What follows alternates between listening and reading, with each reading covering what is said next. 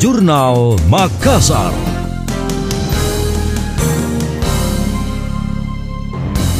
Menyongsong integrasi BUMN Pelabuhan, PT Pelindo 4 mulai membangun model bisnis baru, yaitu dengan menyerahkan pengelolaan peti kemas di cabang Kendari dan Tarakan kepada Strategic Business Unit atau SBU pelayanan peti kemas. Hal itu ditandai dengan penanda tanganan kerjasama antara General Manager SBU Pelayanan Peti Kemas, Muhammad Subian, dengan General Manager Cabang Kendari Suparman dan General Manager Cabang Tarakan Darwis di sela-sela penutupan rapat kerja 2 PT Pelindo 4 tahun 2021.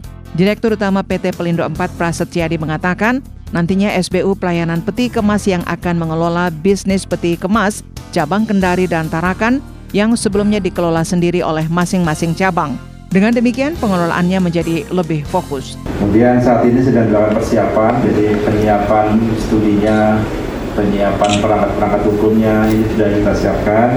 Kemudian yang keempat, ini juga merupakan satu program strategis nasional. Penggabungan BID ini merupakan satu program strategis nasional yang bertujuan untuk uh, meningkatkan layanan pembangunan. Kewenangan Kementerian BUMN ini didasarkan PP nomor 43 tahun 2005 yaitu tentang penggabungan, peleburan dan pengambil alian bentuk badan usaha BUMN.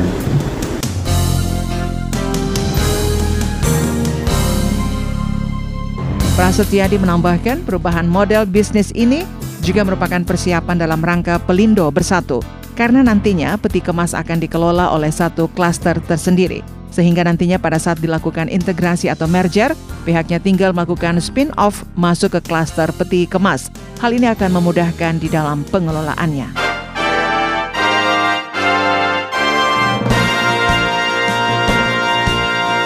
Demikian tadi, Jurnal Makassar.